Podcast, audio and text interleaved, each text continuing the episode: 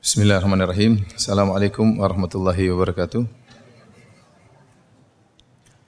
Innal hamdalillah nahmaduhu wa nasta'inuhu wa nastaghfiruhu wa natubu ilayhi wa na'udzu billahi min shururi anfusina wa min sayyiati a'malina. May yahdihillahu fala mudilla lahu wa may yudlil fala hadiyalah. Asyhadu an la ilaha illallah wahdahu la syarika lah wa asyhadu anna Muhammadan abduhu wa rasuluhu la nabiyya ba'dahu. يا أيها الذين آمنوا اتقوا الله حق تقاته ولا تموتن إلا وأنتم مسلمون. يا أيها الناس اتقوا ربكم الذي خلقكم من نفس واحدة وخلق منها زوجها وبث منهما رجالا كثيرا ونساء. واتقوا الله الذي تساءلون به والأرحام إن الله كان عليكم رقيبا. يا أيها الذين آمنوا اتقوا الله وقولوا قولا سديدا يصلح لكم أعمالكم ويغفر لكم ذنوبكم ومن يطع الله ورسوله فقد فاز فوزا عظيما أما بعد فإن أصدق الحديث كتاب الله وخير الهدى هدى محمد صلى الله عليه وسلم وشر الأمور محدثاتها وكل محدثة بدعة وكل بدعة ضلالة وكل ضلالة في النار Hadirin dan hadirat yang dirahmati oleh Allah Subhanahu wa taala.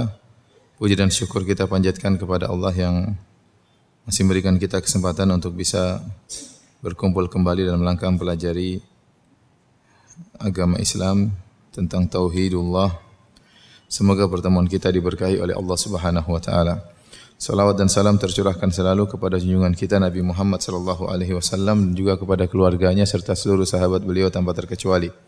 Kita melanjutkan masih dalam bab yang sama tentang bab dakwah ila syahadati alla ilaha Allah tentang berdakwah kepada tauhid.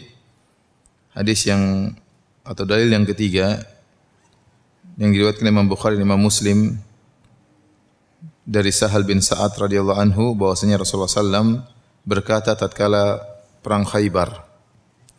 Perang Khaybar adalah perang yang terjadi pada tahun 7 Hijriah. Uh, perang tersebut ya termasuk perang yang sangat sulit ya karena Rasulullah SAW bawa pasukan menuju ke Khaybar. Khaybar letaknya kira-kira kira-kira 200 km sebelah utara kota Madinah. Saya pernah ke sana juga dan pernah sempat mampir ke salah satu benteng Yahudi yang masih ada di sana. Masih ada sisa-sisanya benteng Yahudi. Dan Rasulullah SAW berperang di Khaybar cukup lama karena orang-orang Yahudi seluruhnya berkonsentrasi di Khaybar. Mereka tinggal di Khaybar sehingga ada kalau tidak salah sembilan benteng yang harus di taklukkan oleh Nabi Shallallahu Alaihi Wasallam. Jadi setelah Nabi mentaklukkan satu benteng, kemudian berpindah pada benteng berikutnya, berpindah pada benteng berikutnya, sampai sampai akhirnya mereka menyerah. Tetapi peperangan tersebut cukup alot dan cukup lama, mengingat orang-orang Yahudi semuanya berkumpul di situ dan mereka punya benteng, ya. Dan sulit menyerang benteng karena mereka menyerang dari dalam benteng, ya. Tapi intinya dalam peperangan tersebut Nabi SAW pernah bersabda, "La u'tiyanna rayata ghadan." Rajulan yuhibbullahu wa rasulahu, rajulan yuhibbullaha wa rasulahu, jazakallahu khair. Wa yuhibbullahu wa rasuluhu, yaftahullahu ala yadayhi. Besok aku akan berikan bendera kepada seorang laki yang dia mencintai Allah dan Rasulnya. Wa yuhibbuhullahu wa rasuluhu dan dia pun dicintai oleh Allah dan Rasulnya yaftahullahu ala yadayhi. Allah akan memberi kemenangan melalui kedua tangannya. Jadi setelah berperang dalam waktu yang lama tidak menang-menang, ya maka Rasulullah SAW bilang besok kita akan menang. Ya, besok kita akan menang karena tadi peperangannya alot dan lama. E, kemenangan tersebut akan melalui kata Nabi dimenangkan dipimpin oleh seorang lelaki yang lelaki tersebut memiliki sifat yang istimewa. Lelaki tersebut yuhibbullaha wa rasulahu dia cinta kepada Allah dan Rasulnya. Dan sebaliknya, Allah dan Rasulnya pun mencintainya. Allah dan Rasulnya pun mencintainya. Fabatan nasu yadukuna lailatahum ayyuhum yu'taha. Maka orang-orang malam tersebut ya mereka berdiskusi ya, memperdebatkan, memperbincangkan siapa yang akan diberikan bendera tersebut. Karena Nabi tidak menyebut nama. Nabi hanya mengatakan besok aku akan berikan bendera kepada seorang yang akan menang, membuat menang, mendatangkan kemenangan. Falamma asbahu godau ala Rasulillah sallallahu alaihi wasallam. Tatkala tiba pagi hari, memulai awal peperangan semuanya datang menuju Nabi sallallahu alaihi wasallam. menanti-nanti siapa akan diberikan bendera oleh Nabi sallallahu alaihi wasallam. Kulluhum yarjuna ayyutaha. Semuanya berharap dialah yang diberikan bendera tersebut. Kenapa mereka berharap diberikan bendera tersebut? Karena Rasulullah SAW menyebutkan ke, keistimewaan orang ini bahwasanya pasti menang. Yang kedua dicintai oleh Allah dan Rasulnya dan dia mencintai Allah dan Rasulnya. Ya. Dan kalau peperangan menang melalui sebab dia maka ini keistimewaan luar biasa. Maka kata perawi hadis kulluhum yarjuna an yu'taha. Seluruh sahabat ingin diberikan bendera peperangan tatkala itu. Ternyata Nabi bertanya, "Aina Ali bin Abi Thalib?" Mana Ali bin Abi Thalib radhiyallahu anhu? Fakila huwa yashtaki ainaihi. Maka dikatakan matanya, kedua matanya sedang sakit. Fa arsalu ilaihi fa bihi. Maka Nabi mengirim orang untuk mendatangkan Ali bin Abi Thalib. Yang mau perang matanya lagi sakit. Maka didatangkanlah Ali bin Abi Thalib. Fa basaqa fi ainaihi wa da'alahu. Kemudian Nabi pun meludahi kedua mata Ali bin Abi Thalib keluar air liur diludahi. Diludahi. Wa da'alahu kemudian Nabi mendoakan fa bara'a ka'lam yakum bihi waj'un. Maka tiba-tiba Ali bin Abi Thalib pun sembuh seakan-akan tidak ada bekas penyakit sama sekali. Ada orang sembuh masih ada sisa-sisanya ya. Masih baru sembuh, kelihatan masih kelihatan merah-merahnya, masih kelihatan apanya. Ini Ali sembuh fabaro'a ka'allam yakum bihi waja'un. Sembuh total bekasnya sama sekali. Seakan-akan tidak pernah sakit. Seakan-akan tidak pernah sakit sebelumnya. Fa'atahu rayata. Kemudian Nabi memberikan bendera kepada Ali bin Abi Thalib. Faqala unfudh ala rislika hatta tanzila bi sahatihim thumma du'hum ila islam Berjalanlah engkau ke depan dengan tenang sampai kau tiba di depan mereka itu di depan pelataran benteng mereka. Thumma du'uhum ilal Islam. Kemudian serulah mereka untuk menuju Islam. Orang-orang Yahudi maksudnya. Wa akhbirhum bima yajibullah bima yajibu alaihim min haqqillahi ta'ala wa fihi. Dan kabarkanlah kepada mereka tentang apa yang Allah wajibkan atas mereka berkaitan dengan hak Allah. Wallahi la yahdiyallahu bika rajulan wahidan khairun laka min humrin na'am.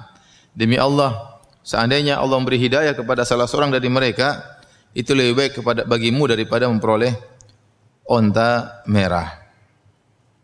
Jadi hadis ini ya intinya intinya tentang berdakwah kepada tauhid. Orang Yahudi percaya kepada Allah atau tidak? Percaya, mereka beriman kepada Allah. Mereka tidak beriman kepada Nabi Isa, bahkan mereka mengatakan Nabi Isa itu anak zina ya. Jadi mereka juga ada sisi tauhid. Sisi tauhid ada orang Yahudi ini. Tapi sebagian mereka menganggap Uzair anak Allah. Sebagian mereka menganggap Uzair anak Allah. Namun mereka banyak melakukan praktek sihir. Tapi dari sisi menyembah terhadap Nabi tidak. Mereka tidak menyembah tidak menyembah Nabi ya. Beda dengan Nasara. Nasara menyembah Nabi Isa. Jadi sisi tauhid mereka lebih kuat daripada Nasara. Yahudi sisi tauhidnya lebih kuat daripada apa? Nasara. Cuma mereka memang kurang ajar ya. ya. Mereka kurang ajar ya. Oleh karena eh, kalau kita lihat misalnya di beberapa daerah yang mereka kuasai daerah tersebut di di belahan bumi Eropa, mereka bikin mereka bikin tempat uh, apa namanya perzinahan, bikin tapi anak-anak mereka nggak boleh. Orang-orang lain silakan. Yang punya mereka, yang punya tempat diskotik mereka, yang punya tempat perzinahan uh, mereka ya. Tetapi orang Yahudi sendiri dilarang untuk ke situ. Adapun orang-orang lain silakan. Ya, jadi mereka merusak memang. Jadi meskipun mereka beriman kepada Allah, tetapi kata Nabi SAW, Ali bin Abi Thalib, "Tsumma du'uhum ilal Islam." Serulah mereka kepada Islam. Sebelum dipergi, suruh mereka masuk Islam. Siapa tahu mereka masuk Islam. Kalau mereka masuk Islam sudah enggak ada peperangan. Dan kabarkanlah kepada mereka tentang apa yang wajib kepada mereka tentang hak, hak Allah. Mereka harus bertauhid. Ya, kemudian Nabi akhiri hadisnya dengan berkata, seandainya engkau memberi petunjuk kepada seseorang dengan Allah beri petunjuk kepada seorang dengan sebab wahai Ali bin Abi Thalib itu lebih baik bagimu daripada engkau memperoleh onta merah ya. Ini uh, sisi pendalilan dari hadis ini tentang bab yaitu berdakwah kepada tauhid di mana Ali bin Abi Thalib disuruh oleh Nabi sallallahu alaihi wasallam untuk mendakwahi orang-orang Yahudi agar mentauhidkan Allah Subhanahu wa taala ya karena mereka masih bercampur-campur dengan kesyirikan ya. Taib dan mereka tidak beriman kepada Nabi Muhammad sallallahu alaihi wasallam. Di antara faedah dari hadis ini yang dirahmati Allah Subhanahu wa taala, ikhwan yang dirahmati Allah Subhanahu wa taala tentang mukjizat Nabi. Nabi SAW meludahi mata Ali bin Abi Thalib kemudian sembuh, ya. Ini adalah keistimewaan dan mukjizat Nabi sallallahu alaihi wasallam.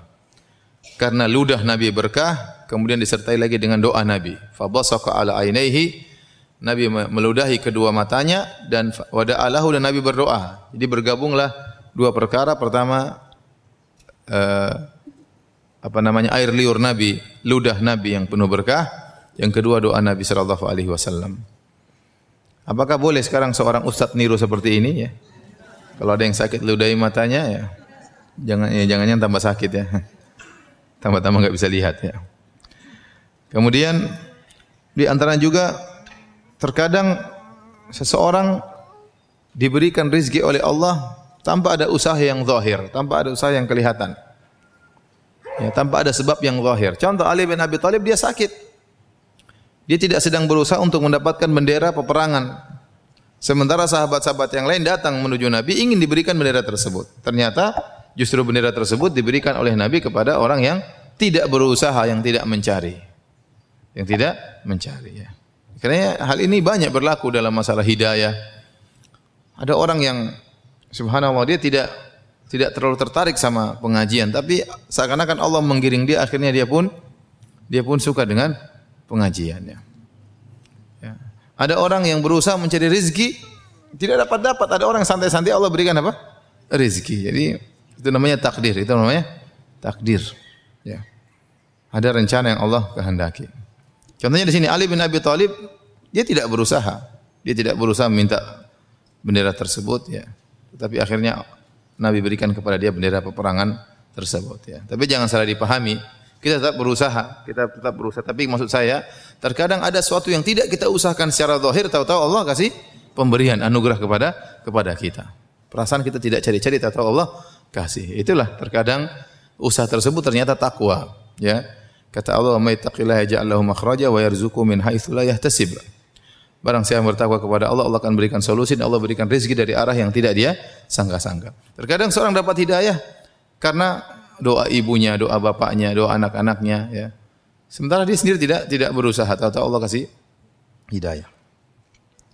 Taib, perhatian perhatikan di akhir hadis kata Nabi sallallahu alaihi wasallam, la ayyadiyallahu bika rajulan wahidan khairun laka min humrin na'am. Kalau Allah berikan hidayah kepada seorang dengan sebab engkau, itu lebih baik daripada engkau memperoleh onta merah. Onta merah itu adalah simbol dari harta terbesar atau termewah di zaman tersebut. Harta termewah di zaman tersebut. Kalau orang sudah punya onta merah, onta merah maksudnya onta warna putih ya. Mereka sering menyebut uh, putih dengan apa? Uh, merah ya. Jadi warna putih, onta yang bagus ya. Ini onta yang istimewa sehingga orang kalau punya onta seperti itu maka dikatakan orang ini memiliki harta ya. Ibarat kita kalau orang udah zaman dulu, zaman dulu mobil itu sumber mobil itu adalah lambang kekayaan. Zaman dulu ya kita bicara tentang 30 tahun lalu ya. Sekarang orang miskin juga punya mobil, tinggal kredit selesai ya. Tapi zaman dulu kalau orang punya mobil itu dibilang orang orang kaya, punya mobil. Karena mobil itu simbol dari kekayaan.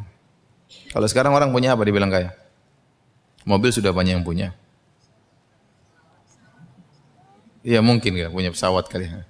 Pesawatnya orang kaya. Enak kita, kita nggak punya pesawat tapi naik pesawat macam-macam ya. Taib. Jadi intinya ini sumber simbol dari harta yang banyak. Ternyata kata Nabi SAW, orang dapat hidayah gara-gara kamu itu lebih lebih baik daripada harta yang terbanyak di dunia ini. Kenapa? Karena kalau orang dapat hidayah gara-gara kita, maka kita akan mendapatkan pahala besar dan pahala tersebut akan mengalir kepada kita seterusnya selama dia beramal soleh. Selama dia ber amal soleh. Jadi kalau kita dakwahi seorang, ada orang tidak solat, kemudian kita dakwahi dengan penuh kesabaran, akhirnya dia solat. Akhirnya dia solat. Dia solat 30 tahun, dia solat 40 tahun. Selama 40 tahun, pahala solatnya ngalir sama kita. Ngalir sama sama kita. Ya, luar biasa. Ada orang kaya, pelit. Ya. Kita datangi, kita rayu-rayu dia sampai dia jadi dermawan. Ya. Akhirnya dia dia dia dia, dia dermawan, dia sumbang sana sumbang sini, sedekah sana sedekah sini, seluruh pahala sedekahnya ngalir juga sama kita. Karena kita yang telah membuang rasa pelitnya dari dalam dirinya. Kita yang membuat dia semangat, akhirnya dia tadinya pelit, akhirnya nggak jadi pelit. Ya, seperti itu. Ada orang tadinya punya pemahaman kesyirikan, pakai jimat, pakai anu.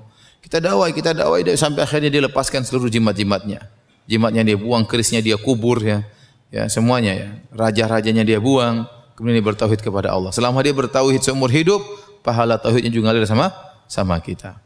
Jadi ini keutamaan dakwah luar luar biasa. Makanya dalam suatu hadis dalam Sahih Muslim kata Rasulullah SAW, "Man dalla ala khairin falahu mislu ajri fa'ilihi."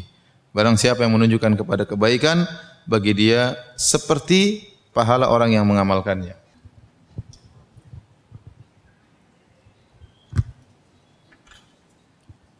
Rasulullah SAW bersabda dalam Sahih Muslim, "Man dalla ala khairin falahu mislu umum. Siapa saja yang beri petunjuk, apakah laki-laki atau wanita, ya, orang tua,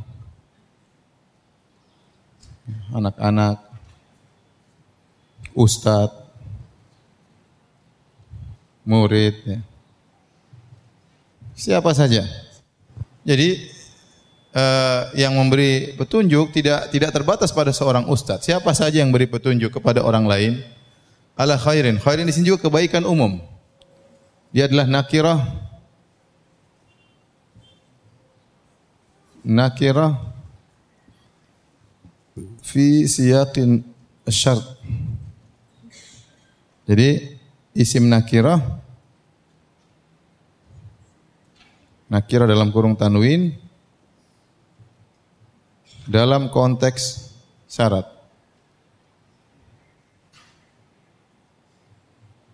Karena perkenyataannya barang siapa yang menunjukkan kepada kebaikan bagi dia seperti pahala yang melakukannya. Jadi kebaikan di sini umum. Memberikan faedah umum, memberikan faedah keumuman. Jadi kebaikan apa pun ya berkaitan dengan akidah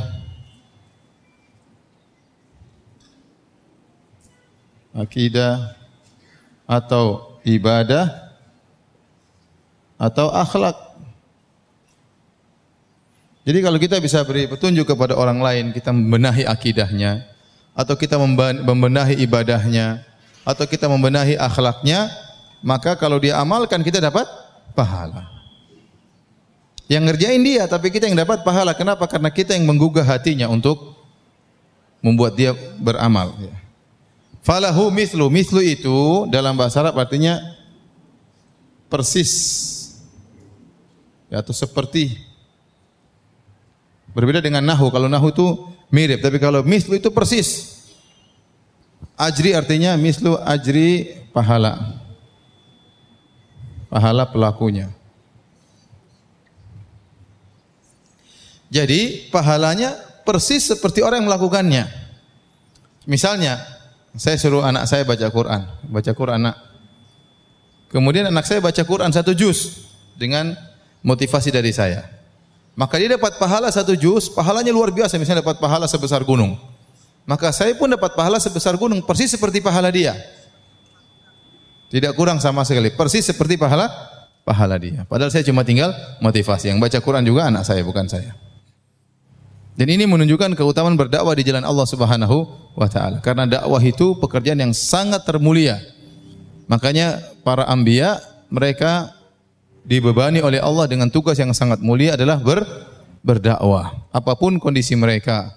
Ada seorang nabi yang jadi raja, ada seorang nabi yang menjadi tukang, ada seorang nabi jadi pedagang, ada seorang nabi yang mungkin biasa, semuanya sama-sama pendakwah. Ya, karena mereka dibebani dengan tugas yang termulia. Tidak mungkin Allah memilihkan suatu pekerjaan yang, yang yang tidak mulia, tapi Allah akan pilihkan pekerjaan termulia kepada para rasul dan pekerjaan mereka semuanya adalah Ber, berdakwah. Demikian juga sebagaimana pernah kita jelaskan, para pengikut Rasul juga mereka berdakwah, apa pun profesi mereka. Apa pun profesi mereka. Jadi seorang berusaha untuk berdakwah, apakah dia seorang seorang dokter, apakah dia seorang uh, pegawai PNS atau dia seorang pedagang, apakah dia seorang perawat, apakah dia apa ya guru ya. Maka berusaha menjadi ikut dalam relnya para rasul. Relnya para rasul adalah berdakwah. Karena saya katakan dakwah ini adalah ibadah yang paling mulia.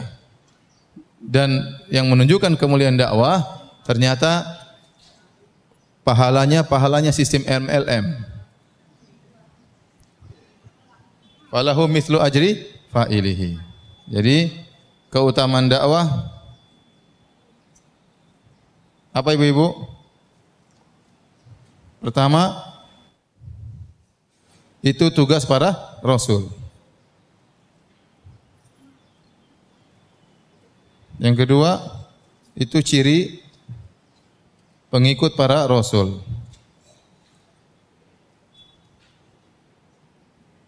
Kemudian tiga, pahalanya sistem apa? Sistem MLM. Ya. Iya.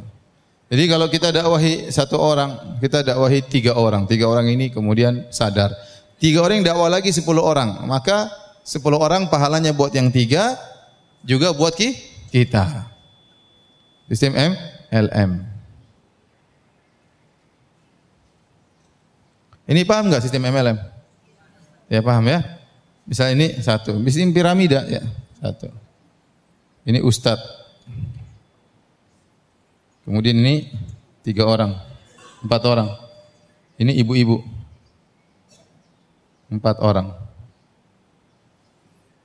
Nomor satu, nomor dua, nomor tiga, nomor empat. Ternyata ibu-ibu ini mendakwahi berapa? Seratus orang. Ibunya aktif ini. Ibu nomor empat, malas-malasan cuma satu orang aja yang dakwah. Nomor tiga misalnya 20 orang. Nomor dua misalnya 10 orang. Maka bagi ustadz ini pahala berapa orang? 100 tambah 10 tambah 20 tambah 1. Berapa ini? 131. Untuk ustadz. Bukan cuma itu, tambah ini juga. 131 tambah 132, 133, 113, 135. Empat ini yang dakwai juga siapa? Ustaz. Hmm? Jadi total pahala Ustaz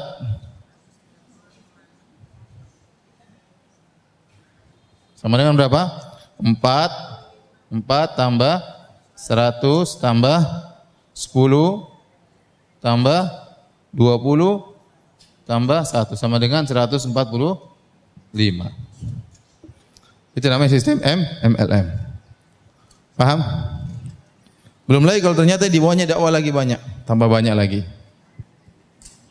Paham tidak? Ini sekedar ilustrasi tentang pahala MLM. Jadi orang berusaha untuk berdakwah jangan malas-malasan. Dakwah siapa sih? Dakwah teman kantornya, dakwahi anak-anaknya, dakwah suaminya, ya. Dakwah bibinya, tantenya, omnya, dakwahi. Karena kalau mereka beramal pahala ngalir sama sama kita. Sejauh mana dakwah kita? Kalau dia kita yang buat dia hanya baca Quran, kita yang buat dia sholat, maka pahala baca Quran dan sholat ngalir sama kita. Ya. Jadi sejauh mana kita berdakwah, sejauh itu pula pahala yang kita dapatkan. Makanya para ulama mengatakan tidak perlu mengirim Al-Fatihah kepada Nabi. Masalah ngirim bacaan Al-Quran, ini ada khilaf. Imam Syafi'i mengatakan tidak sampai. Saya baca Al-Baqarah, pahalanya saya niatkan untuk ayah saya. Apakah sampai atau tidak? Ada khilaf di kalangan para ulama. Ya, ada khilaf dengan para ulama. Sebagian ulama mengatakan sampai, sebagian ulama mengatakan tidak sampai. Tetapi para ulama mengatakan tidak boleh mengirim pahala Al-Fatihah kepada Nabi. Tidak boleh mengirim pahala baca Quran kepada Nabi. Kenapa? Kata mereka ini kurang adab. Nabi tidak tidak tidak butuh dengan apa namanya? Tidak tidak tidak ada dalil Nabi minta seperti itu dan Nabi kedudukannya sudah terlalu tinggi. Karena semua yang kita baca Quran pahalanya ngalir kepada siapa? Nabi. Tidak usah kita kirim-kirim akan ngalir kepada Nabi Shallallahu Alaihi Wasallam. Ini pendapat sebagian ulama. Ya. Tidak perlu kita kirim-kirim akan ngalir kepada Nabi karena tidak tahu kita kita tidak tahu baca Al-Fatihah kecuali yang ngajar siapa? Rasulullah Shallallahu Alaihi Wasallam. Tanpa kita kirim akan langsung sampai ke Nabi Shallallahu Alaihi Wasallam. Paham?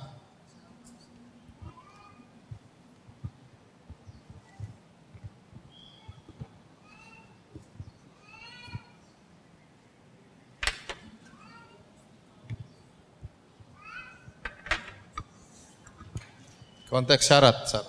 Ini kalimat syarat. Barang siapa yang menunjukkan pada kebaikan bagi dia seperti paha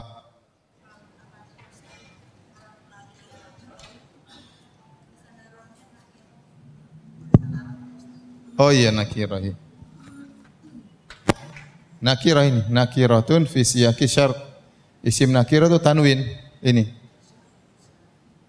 Ini nakirah. Kaidah usul fikih. Baik, kita lanjutkan.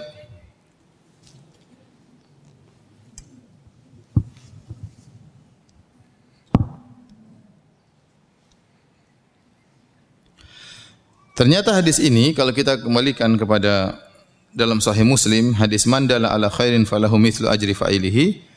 Itu hadis diriwayatkan oleh Abu Mas'ud al Ya Rasulullah, ada seorang datang kepada Nabi dan dia berkata, "Ya Rasulullah, sungguhnya ontaku tidak bisa aku gunakan. Fahmil nih, berikanlah aku tunggangan." Faqala Nabi sallallahu alaihi wasallam, "Indi, aku tidak punya tunggangan untuk aku berikan kepadamu." Faqala rajulun, "Ya Rasulullah, ana adulluhu ala man yahmiluhu." Kata orang yang lain dia mengatakan ya Rasulullah saya akan tunjukkan dia kepada orang yang bisa berikan dia tunggangan. Maka Nabi berkata, "Mandala ala khairin falahu mithlu ajri fa'ilihi." Barang siapa yang menunjukkan kepada kebaikan, bagi dia seperti pahala orang yang mengamalkannya. Jadi hadis ini kalau kita lihat asbabul wurudnya, sebab sebab keluarnya hadis ini, jadi ada seorang laki datang kepada Nabi, "Ya Rasulullah, ini kot ubdi abi, onta saya tidak bisa saya pakai lagi, saya ingin berjihad atau ingin pergi ke suatu tempat, ingin beramal soleh, tapi onta saya enggak ada. Fahmil nih, tolong berikan saya tunggangan biar saya bisa beramal soleh.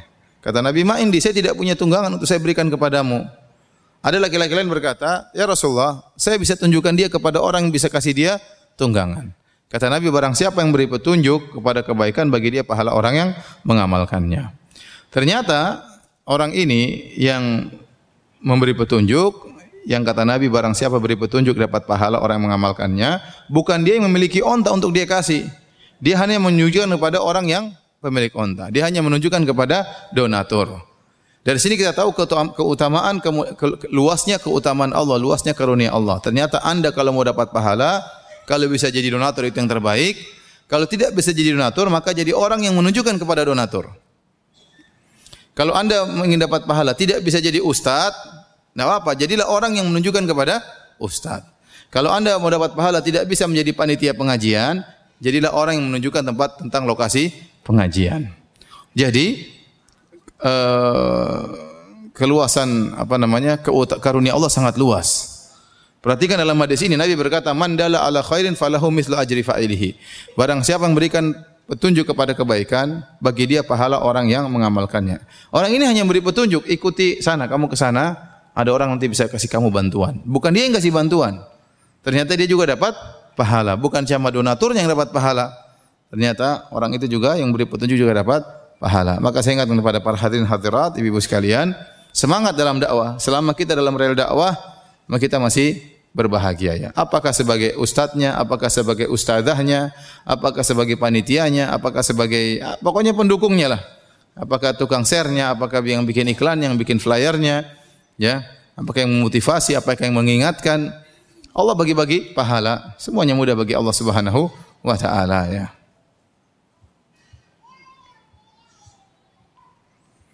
Tayyib. Sudah ibu-ibu? Kita lanjutkan bab berikutnya, bab ke-6. Bab berikutnya.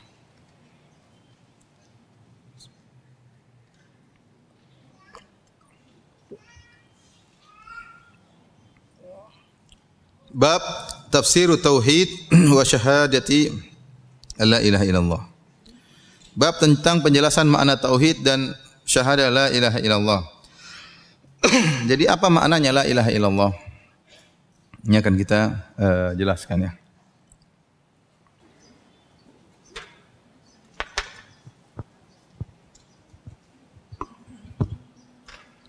Makna la ilaha illallah. La ilaha illallah. Tidak ada yang disembah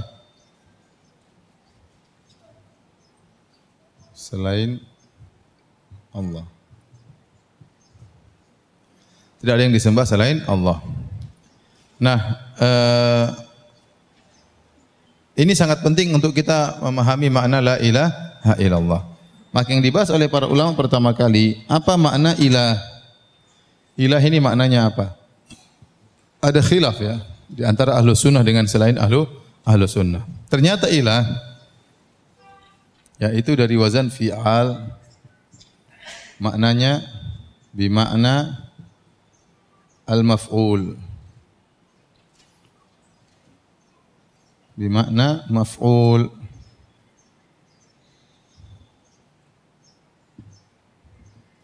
Contoh kitab wazannya fi'al, maknanya maktub. Maktub, kitab artinya maktub, ilah artinya makluh. Kalau begitu ilah maknanya apa? Makluh. Makluh. Nah, aliha ya'lahu aliha ya'lahu abada ya'budu.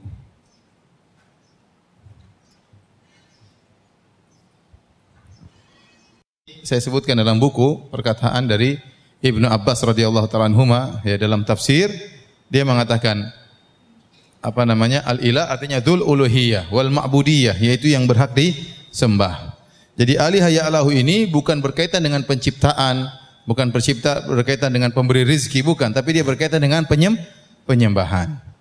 Sehingga makna dari la ilaha ilaha, la ilaha illallah artinya tidak ada yang disembah karena ilah artinya makluh, makluh artinya ma'bud yang disembah. Jadi kalau kita artikan artinya la la ma'bud illallah. Artinya tidak ada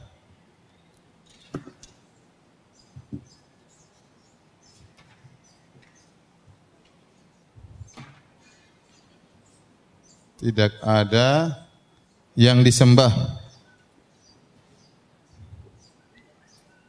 Disembah kecuali siapa?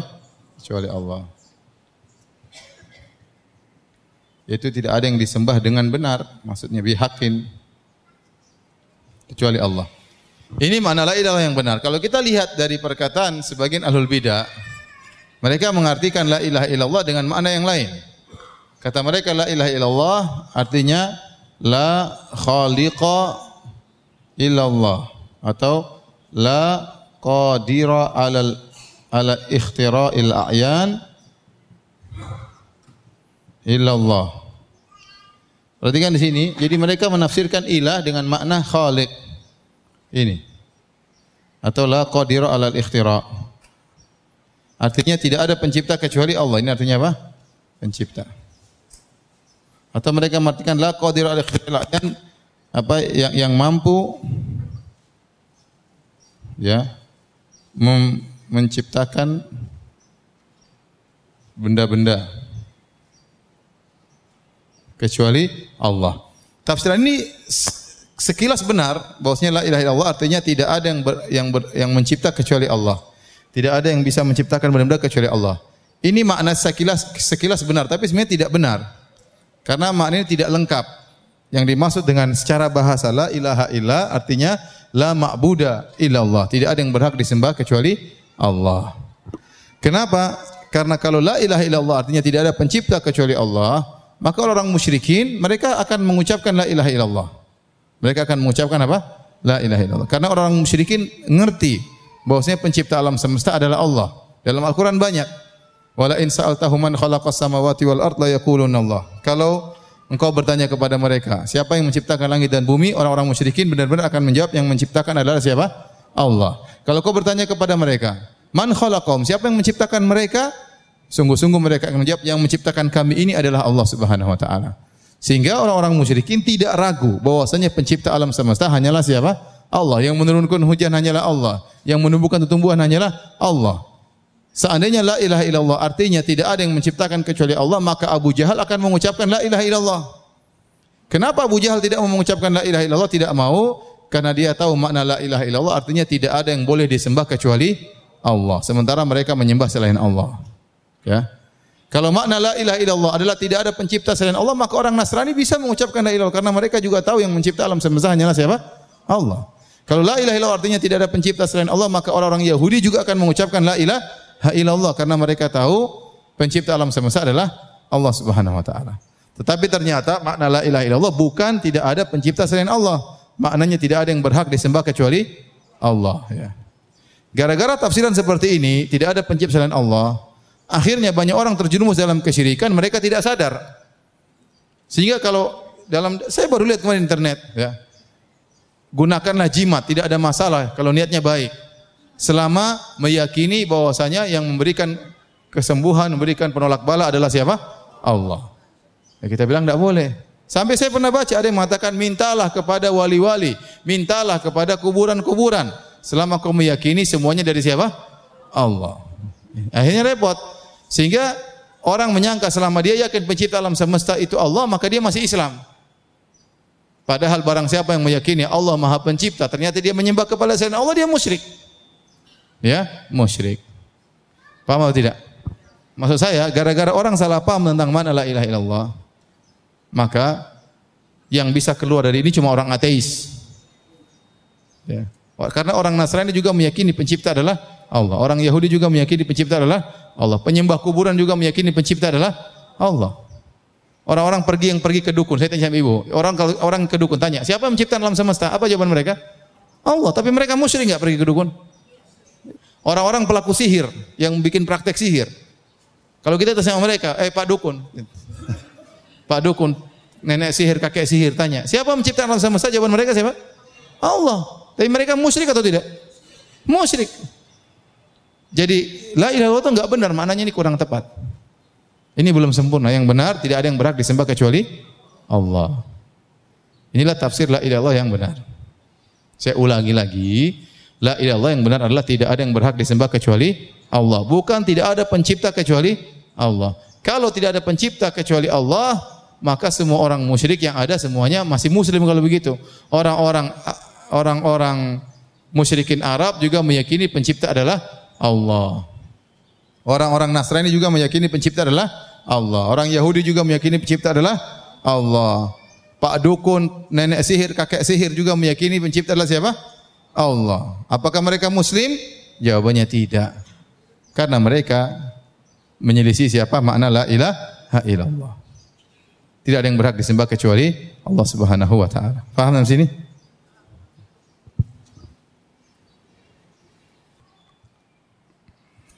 Taib kita bacakan dalilnya, ibu yang dirahmati Allah Subhanahu wa taala, ya.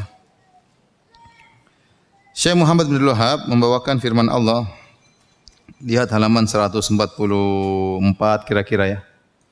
Ulaika alladziina yaitu ulaika alladziina yad'una yabtaguna ila rabbihim rabbihimul wasilata ayyuhum aqrab wa yarjuna rahmatu wa yakhafuna adzaba inna adzaba rabbika kana mahdzura. Itu surat Al-Isra ayat ayat 57. Ayatnya terpotong dengan syarah nanti halaman berikutnya agak jauh. Ya. Sudah lihat ayatnya? Surat Al-Isra ayat berapa? 146 ya dan seterusnya sampai nanti lanjutan ayatnya pada halaman 153 atau 157. 157.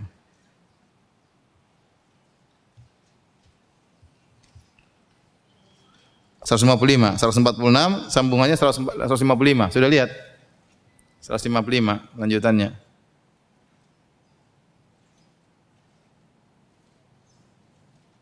Ya.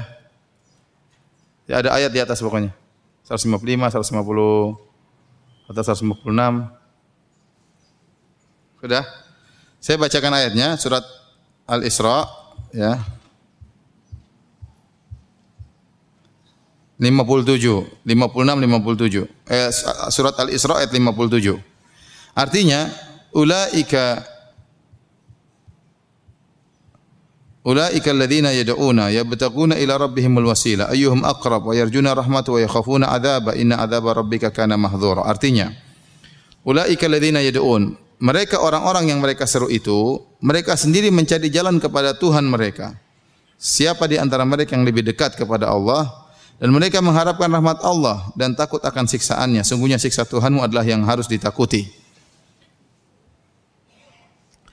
Jadi kata Allah, ulaika ladzina yad'un. Jadi orang-orang musyrikin dahulu mereka menyembah orang-orang soleh. Ulaika ladzina yad'un, orang-orang yang mereka sembah maksudnya. Orang-orang yang mereka sembah. Siapa yang mereka sembah? Ada malaikat, ada jin yang soleh, ada nabi-nabi, ada wali-wali yang mereka sembah. Ya. Mereka menyembah malaikat, mereka menyembah Nabi Isa, mereka menyembah orang-orang soleh. Kata Allah, ini saja orang yang mereka sembah ini, mereka sedang mencari kedekatan kepada Allah. Ya, mereka sedang mencari kedekatan kepada Allah. Ngapain kalian menyembah mereka? Wong sementara mereka saja juga menyembah Allah. Paham? Ngapain kita menyembah Nabi Isa? Wong Nabi Isa tidak berhak disembah, dia sendiri menyembah Allah. Ngapain kita menyembah malaikat? Malaikat saja tidak berhak disembah. Kenapa? Karena dia sendiri menyembah Allah. Ya, ngapain kita sembah makhluk? Oh, makhluk saja menyembah kepada yang yang lainnya. Maka tidak boleh kita menyembah kepada makhluk. Karena seluruh makhluk, bagaimanapun hebatnya makhluk tersebut, apakah malaikat, apakah nabi, apakah jin soleh, apakah orang soleh, mereka juga berdoa kepada Allah. Mereka juga mencari kedekatan kepada Allah. Maka yang berhak disembah hanyalah Allah Subhanahu wa taala.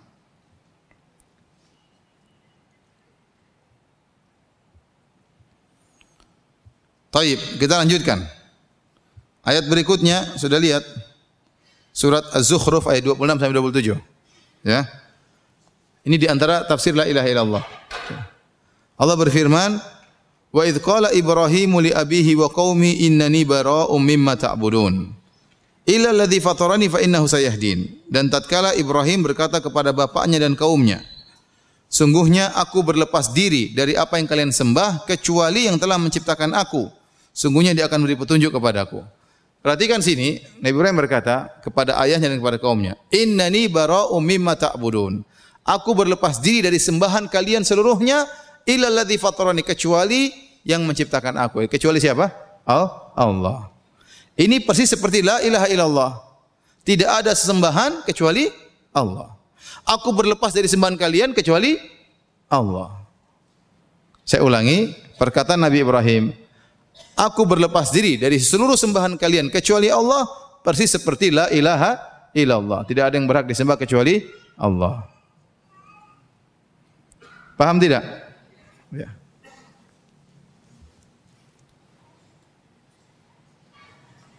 Jadi kata Ibrahim, innani bara'um mimma ta'budun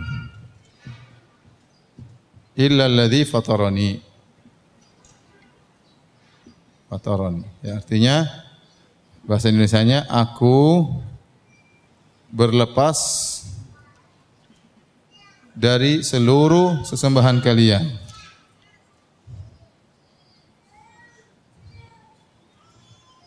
Kecuali siapa? Allah yang menciptakan aku.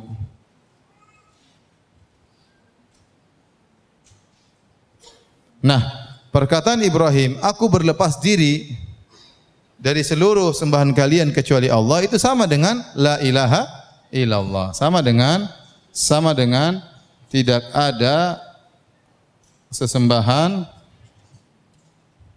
kecuali siapa? Kecuali Allah. Persis. Jadi makna la ilaha illallah itu bukanlah tidak ada yang mencipta kecuali Allah, tapi maknanya tidak ada yang berhak disembah kecuali Allah Subhanahu wa taala.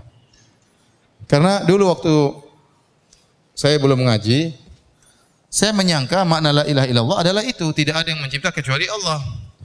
Waktu saya masih SD, SMP, SMA, kalau ada yang menjelaskan la ilaha juga dijelaskan begitu. Oh, maknanya la ilaha illallah tidak ada pencipta kecuali siapa? Allah. Ternyata itu makna yang keliru. Sehingga saya dulu menyangka ya, namanya orang musyrik itu kalau orang keluar dari Islam. Dan ini yang menyebabkan masyarakat banyak terjerumus dalam kesyirikan. Mereka pergi ke dukun, mereka tidak merasa syirik. Mereka tidak merasa musyrik. Mereka pakai jimat-jimat, mereka tidak merasa musyrik. Menurut mereka musyrik itu kalau meyakini Tuhan selain Allah itu baru musyrik. Padahal orang yang meyakini Allah yang mencipta pun bisa musyrik. Seperti tadi saya katakan tadi. Nasrani, Yahudi, dukun ya, semuanya meyakini pencipta adalah Allah. Tapi mereka adalah orang-orang musyrik. Orang musyrikin Quraisy juga demikian.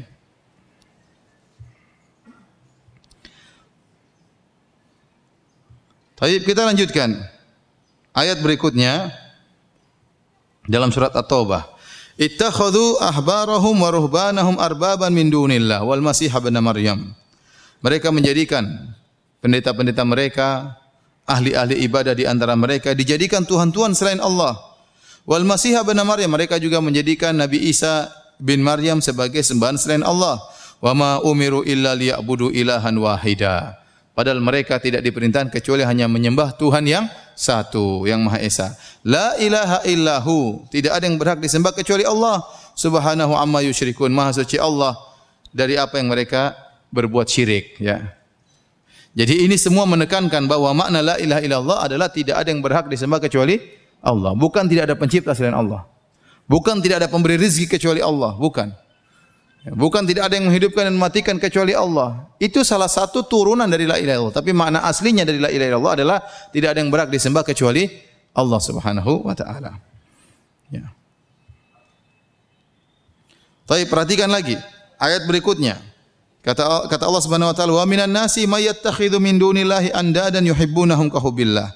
Dan di antara manusia ada yang menjadikan mengambil tandingan-tandingan sekutu-sekutu selain Allah yuhibbunahum kahubbillah. Mereka cinta kepada sekutu-sekutu tersebut sebagaimana mereka cinta kepada Allah. Walladzina amanu asyaddu hubban lillah. Adapun orang yang beriman, mereka lebih cinta kepada Allah daripada mereka. Jadi perhatikan di sini, kata Allah. Perhatikan. Di antara sebagian manusia ada yang menjadikan tuhan-tuhan tandingan selain Allah. Mereka mencintai tandingan-tandingan tersebut sebagaimana mereka mencintai Allah.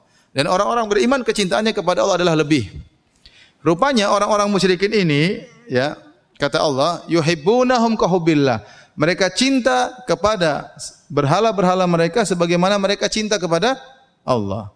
Berarti mereka menyembah Allah juga atau tidak? Iya. Saya ulangi kata mereka, kata Allah, mereka mencintai sembahan-sembahan selain Allah sebagaimana cinta mereka kepada Allah. Berarti mereka menyembah Allah juga enggak? Menyembah Allah. Beda dengan orang Islam. Orang Islam hanya menyembah Allah sehingga cintanya kepada Allah lebih daripada cinta mereka. Kenapa? Karena mereka membagi cinta mereka kepada sesembahan dan kepada Allah Subhanahu wa taala. Ini dalil bahwasanya orang musyrikin dulu mereka juga cinta kepada Allah. Mereka juga menyembah Allah, hanya saja mereka juga cinta kepada selain Allah. Makanya orang orang musyrikin dahulu mereka haji. Mereka berhaji. Mereka umrah. Mereka etikaf di Masjidil Haram. Ya. Jadi mereka Nabi SAW dulu setiap setiap uh, musim haji di Mina Rasulullah SAW dakwahi mereka. Kata Nabi ya Yohanes qulu la ilaha illallah tuflihun. Ucapkan la ilaha kalian akan akan kalian akan beruntung. Namun orang-orang musyrikin Arab tidak mau mengucapkan la ilaha illallah padahal mereka sedang haji. Padahal mereka sedang haji. Mereka haji beribadah kepada siapa? Kepada Allah. Sekaligus beribadah kepada berhala-berhala jadi jangan disangka orang-orang musyrikin mereka tidak beribadah kepada Allah, mereka juga beribadah kepada Allah. Bahkan Allah sebutkan kalau mereka dalam kondisi terdesak, mereka terkadang bertauhid. Kata Allah, "Wa idza raqibu fil fulki da Allah mukhlishina lahuddin, falah manajjahum ilal barri idza hum yusyrikun." Tatkala mereka berlabuh di atas lautan, ditimpa dengan ombak yang besar, ya, mereka bertauhid. Da Allah mukhlisina lahudin. Mereka berdoa dengan ikhlas. Kata Allah, "Falamma najam ilal barri," tatkala kami selamatkan mereka di daratan, idahum musyrikun, mereka syirik kembali. Ini dalil mereka menyembah Allah. Jangan disangka Abu Jahal, Abu Lahab tidak mengenal Allah. Mereka mengenal Allah, bahkan mereka juga menyembah Allah. Yang jadi masalah, mereka menyembah Allah dan juga menyembah selain Allah. Itu masalahnya. Itu masalahnya di situ. Jadi Namanya syirik, sering saya ulang-ulang. Syirik adalah menyembah Allah dan menyembah selain Allah. Itu namanya syirik. Karena lafal syirik artinya mengambil tandingan bagi Allah. Nah kalau orang ini tidak percaya Allah dari awal, berarti bukan mengambil tandingan. Kapan dikatakan dia menjadikan sekutu bagi Allah? Tatkala dia percaya sama Allah, baru dia mengambil sekutu bagi Allah. Berarti dia memang asalnya percaya kepada Allah. Hanya saja dia mengambil sekutu bagi Allah. Saya ulangi ibu-ibu, paham atau tidak? Namanya musyrik itu orang yang menyembah Allah dan menyembah selain Allah. Kalau orang ateis bukan musyrik. Kalau orang tidak percaya sama Allah, asalnya dia bukan musyrik. Namanya musyrik secara bahasa yang beriman kepada Allah dan beriman kepada selain Allah. Kenapa? Karena dia mengambil syarikat, dia mengambil tandingan, andat, dia mengambil tandingan bagi Allah. Itu namanya musyrik. Nah, orang kalau minta berdoa kepada Allah, berdoa juga kepada wali, itulah musyrik. Orang yang sujud kepada Allah di masjid, sujud juga kepada kuburan itu juga namanya musyrik. Ya. Orang yang menyembelih tatkala musim haji karena Allah, tapi dia menyembelih juga untuk jin, itulah musyrik. Itulah hakikat kesyirikan, beribadah kepada Allah dan juga beribadah kepada selain Allah. Itu hakikat kesyirikan di situ. Jadi bukanlah orang musyrik orang yang tidak mengenal Allah. Orang musyrik itu orang yang mengenal Allah, tapi dia mengambil tandingan bagi Allah. Makanya Nabi menyuruh mengucapkan la ilaha illallah. Tidak ada yang berhak disembah kecuali Allah Subhanahu wa taala. Paham Ibu-ibu? Yakin? Taib kita masuk pada hadis yang terakhir, dalil yang terakhir. Ya. Halaman 159. Dalil yang terakhir, hadis. Ada? Hadis yang terakhir. Ayat, pokoknya hadis terakhir, hadis terakhir coba. Setelah ayat tadi ada hadis kan? Ayat itu hadisnya, halamannya beda. Kata Nabi SAW, Man qala la ilaha illallah. Barang siapa yang mengucapkan la ilaha illallah. Wa kafara bima yu'badu min dunillah. Dan dia kufur kepada sesembahan selain Allah. Haruma maluhu wa damuhu. Maka diharamkan hartanya. Tidak boleh dicu, tidak boleh dirampas. Wa damuhu. Dan diharamkan darahnya. Tidak boleh ditumpahkan. Wa hisabuhu ala. Dan hisabnya diserahkan kepada Allah. Ini hadis sangat agung. Hadis ini. Uh, dalam Sahih Muslim, dalam Sahih Muslim. Perhatikan kata Nabi. Man qala la ilaha illallah, barang siapa yang mengucapkan la ilaha illallah wa kafara bima yu'badu min dunillah dan dia kufur kepada sesembahan selain Allah. Jadi syarat orang agar la ilaha illallah yang selamat bukan cuma mengucapkan la ilaha illallah, tapi dia harus mengingkari sesembahan selain Allah. Dia harus mengingkari sembahan selain Allah. Ini syarat yang penting. Jadi tidak benar ada orang saya muslim, tapi kalau orang-orang Nasrani ya biarin aja mereka juga masuk surga seperti kita. Ini namanya tidak sah la ilaha illallah. La ilahnya batal. Karena Nabi bersyaratkan di sini. Barang siapa mengucapkan la ilaha illallah dan syarat kedua apa? Kafir kepada sesembahan selain Allah. Ya.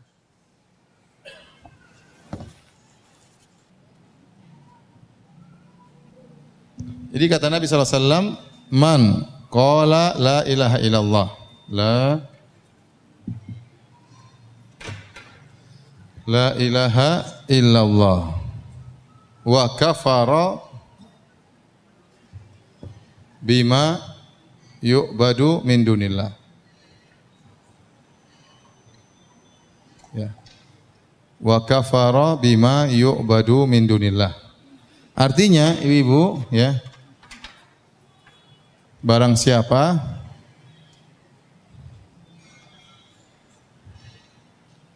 yang mengucapkan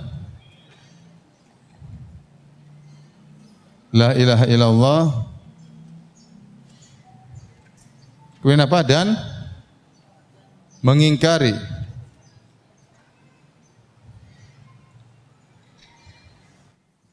sembahan selain Allah.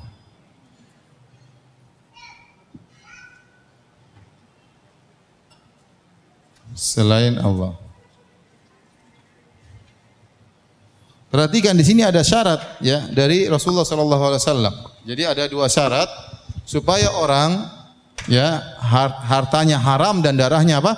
haram. Karena Nabi barang siapa yang mengucapkan la ilaha illallah dan mengingkari sembahan selain Allah maka hartanya haram dan darahnya apa? haram. Hartanya tidak boleh ditumpahkan, darahnya tidak boleh dibunuh karena haram. Syaratnya dua, ini syarat pertama. Syarat satu. Yang ini syarat yang kedua. Jadi orang yang mau selamat tidak hanya memenuhi syarat satu, harus memenuhi dua persyaratan. Maka saya katakan di antara orang-orang yang yang ala ilaha yang enggak beres, contohnya orang-orang liberal. Orang liberal mengatakan, kita orang Islam. Tapi biarin aja mereka menyembah selain mereka juga benar kok. Berarti dia mengingkari atau tidak? Tidak mengingkari. Dia tidak mengingkari. Mau Nasrani, mau Yahudi juga masuk surga. Ya. Yang penting baik. Ini perkataan orang liberal. Ya, kata mereka bahwasanya agama itu hanyalah cara untuk meraih kebaikan, untuk menuju kebaikan. Nah, kalau Anda bisa baik dengan Islam, ya alhamdulillah. Anda bisa baik dengan Nasrani, alhamdulillah. Anda bisa baik jadi orang Yahudi, ya sudah Anda masuk surga. Sehingga mereka tidak mengingkari sembahan kepada selain Allah. Maka la ilallah mereka enggak beres, batal. La ilallah mereka batal. Paham sampai di sini? Karena ada syarat kedua. La ilaha illallah. Tidak ada sesembahan. Berarti pengingkaran. Tidak ada sembahan kecuali Allah. Maka la ilaha harus ada dua. Penetapan yang disembah hanyalah Allah. Penafian sesembahan selain Allah. Itulah makna dari la ilaha illallah. Barang siapa yang Islam tapi dia tidak mengingkari, dia menganggap yang lain juga nggak ada masalah, dia yang bermasalah. Dia yang bermasalah. Ini bahayanya orang liberal. Mereka mengatakan, tidak apa-apa, yang penting baik. Hindu eh, baik nggak ada masalah. Kita sama dia. Kalau ateis baik bagaimana? Masuk surga enggak? Ada orang ateis tidak percaya sama Tuhan. Baik, masuk surga atau tidak? Harusnya masuk surga menurut kaidah mereka yang penting baik. Ya. Paham ya Ibu? Jadi ini sangat penting. Kita jangan jangan mengiyakan kesyirikan. Kalau kita pulang kampung tahu ada acara misalnya nyembelih kerbau taruh di tengah sawah, oh enggak apa-apa. Oh, jangan bilang enggak apa-apa. Bilang itu apa-apa enggak boleh. La ilaha illallah kita mengharuskan kita mengingkari hal tersebut. Kita bilang enggak boleh. Mereka lakukan bilakan, silakan. Tetapi ini dalam Islam syirik enggak boleh. Kalau ada orang acara kemudian labohan, menyembelih kerbau diserahkan kepada Nyi Kidul, apa kita bilang? Tidak boleh, itu sih syirik. Kalau Anda mengatakan itu boleh, itu halal, itu benar, la ilaha bisa batal bahaya. Meskipun Anda tidak melakukan. Meskipun Anda tidak mau melakukan. Anda membenarkan kesyirikan seperti Anda melakukan kesyirikan. Hati-hati. Anda membenarkan kesyirikan, seakan-akan mendukung apa? Seakan-akan Anda melakukan apa? Kesyirikan. Karena sama-sama la ilaha illallah jadi batal. Ya. Ya ada kalau orang ke dukun kita bilang tidak boleh syirik. Jangan bilang oh tidak apa-apa, dukun juga baik kok kadang-kadang benar kadang-kadang barang hilang bisa ketemu lagi. Oh kadang-kadang suami istri beribut bisa jadi saling mencintai kembali ya repot begitu. Tidak boleh. Kita ingkari dukun itu haram, itu syirik nggak boleh. Sihir itu apa? Syirik. Nggak boleh. Kau melakukan terserah kamu, tapi itu syirik. La ilaha illallah saya melarang untuk melakukan demikian. Barang siapa yang mendukung kesyirikan, maka syirik tauhidnya batal. Tauhidnya batal karena makna la ilaha illallah tidak ada yang berhak disembah kecuali Allah. Berarti harus ada penafian terhadap sembahan yang yang lain. Ya. Terhadap sembahan yang lain. Ya. Kalau kemudian orang malah eh, harus ingkari tidak ada berhala-berhala tidak boleh disembah, batu-batu tidak boleh di sembah. Nabi tidak boleh disembah, malaikat tidak boleh disembah. Wali-wali penghuni kubur tidak boleh dimintai, tidak boleh disembah. Harus kita ingkari. Itu konsekuensi dari la ilaha illallah. Kalau kita tidak ingkari, orang tidak paham tentang tauhid. Yang penting la ilaha illallah selesai urusan. Oh, belum selesai urusan. Betapa banyak orang berzikir la ilaha illallah tapi dia pergi ke dukun. Banyak tidak? Banyak orang la ilaha tapi percaya sama dukun, banyak. Banyak. Dan itu adalah membatalkan tauhid mereka.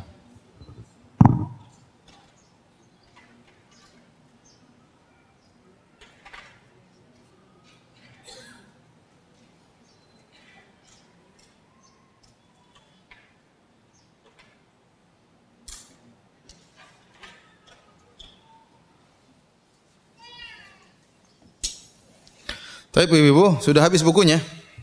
Habis ya, sudah selesai kalau gitu. Tapi ada yang bertanya dari pembahasan kita pada pagi hari ini saya persilahkan baik yang berkaitan dengan pembahasan kita ataupun uh, di luar pembahasan kita. Hah? Sudah ada dan sudah habis. sudah habis. Tidak tahu nanti kita lihat lagi. Ya. Kan masih liburan panjang. Kan?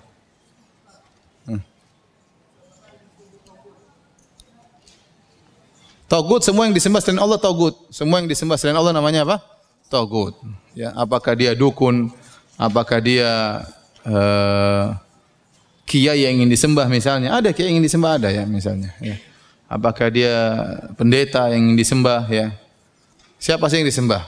Apakah dia misalnya uh, misalnya penguasa yang ingin disembah sehingga seluruh aturan-aturan Tuhan dia larang harus ikuti aluran dia misalnya itu juga bisa jadi togut ya. Togut semua yang disembah selain Allah. Itu namanya togut. Tukang sihir juga disebut dengan togut. Karena seorang datang tukang sihir dia nurut. Suruh begini, suruh begini, suruh begini dia nurut. Itu namanya togut. Jadi togut itu semua yang disembah selain Allah. Batu-batu juga togut.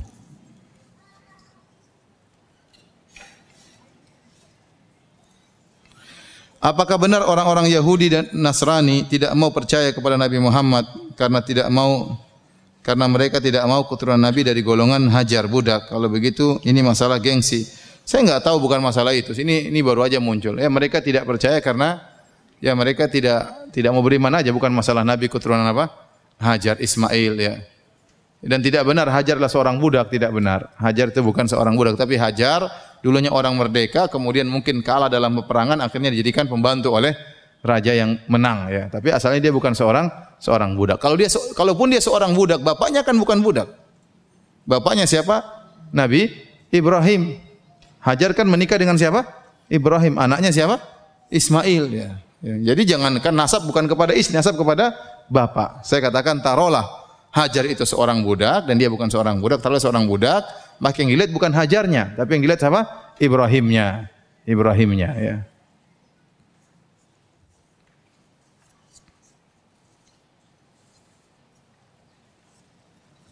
Bagaimana membimbing orang tua yang masih non muslim umur 89 tahun?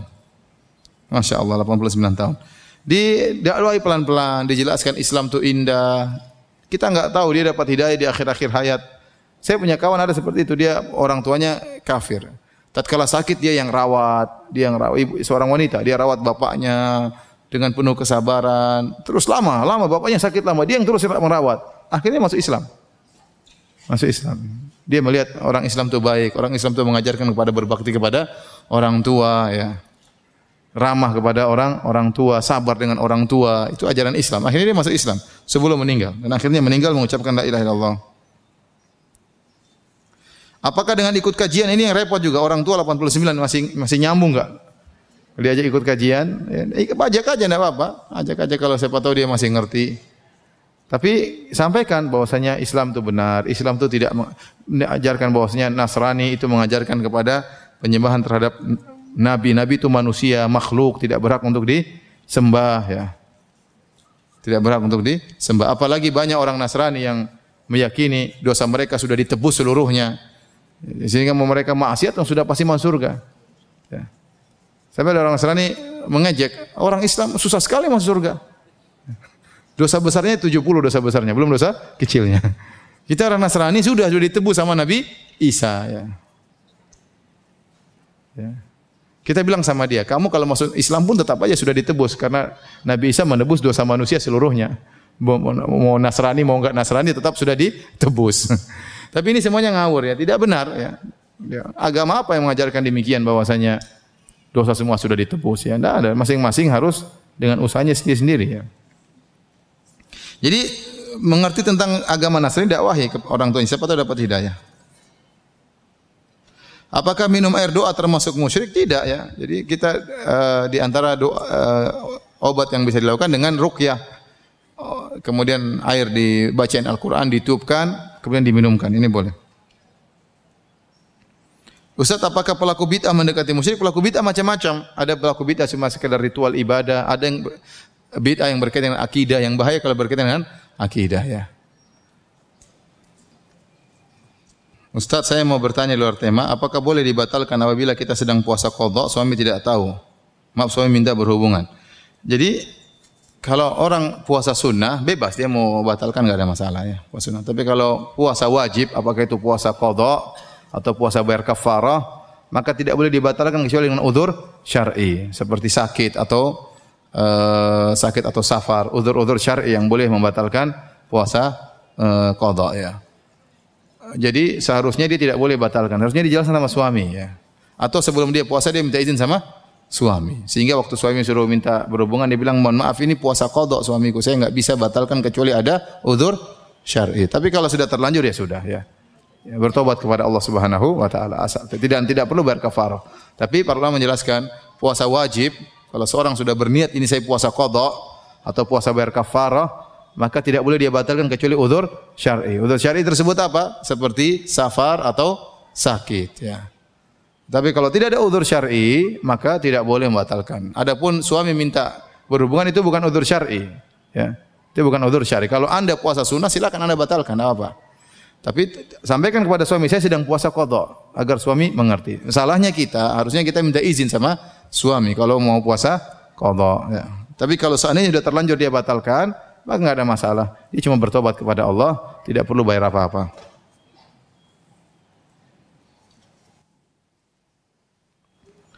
Ustaz, seorang istri bisa masuk surga di antaranya karena ridho suami. Bagaimana jika suami zalim pada istrinya? Tidak meridhoi padahal istri sudah berubah ke jalan Allah. Dulu dulu jauh dari Allah ya. Ya uh, kita sudah berusaha ya. Seorang suami berusaha baik sama istrinya. Bisa jadi istrinya nggak suka sama suaminya. Ada orang seperti itu suaminya sangat baik, istrinya bantah terus, ngangkat suara terus, nuntut terus, ya nggak ada masalah. Yang penting dia sudah berusaha baik sama seorang istri berusaha baik kepada suaminya. Berusaha baik, menuju jalan yang baik, berusaha mengenal sunnah, melayani suami. Kalau suami tidak ridho bukan urusan dia.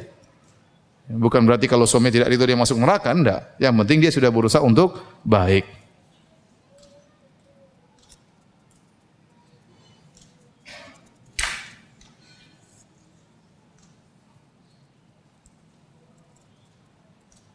Anak punya prinsip enggak mau foto di depan Ka'bah. Tapi ternyata beberapa orang minta tolong kepada saya untuk memfotokan dia di depan Ka'bah.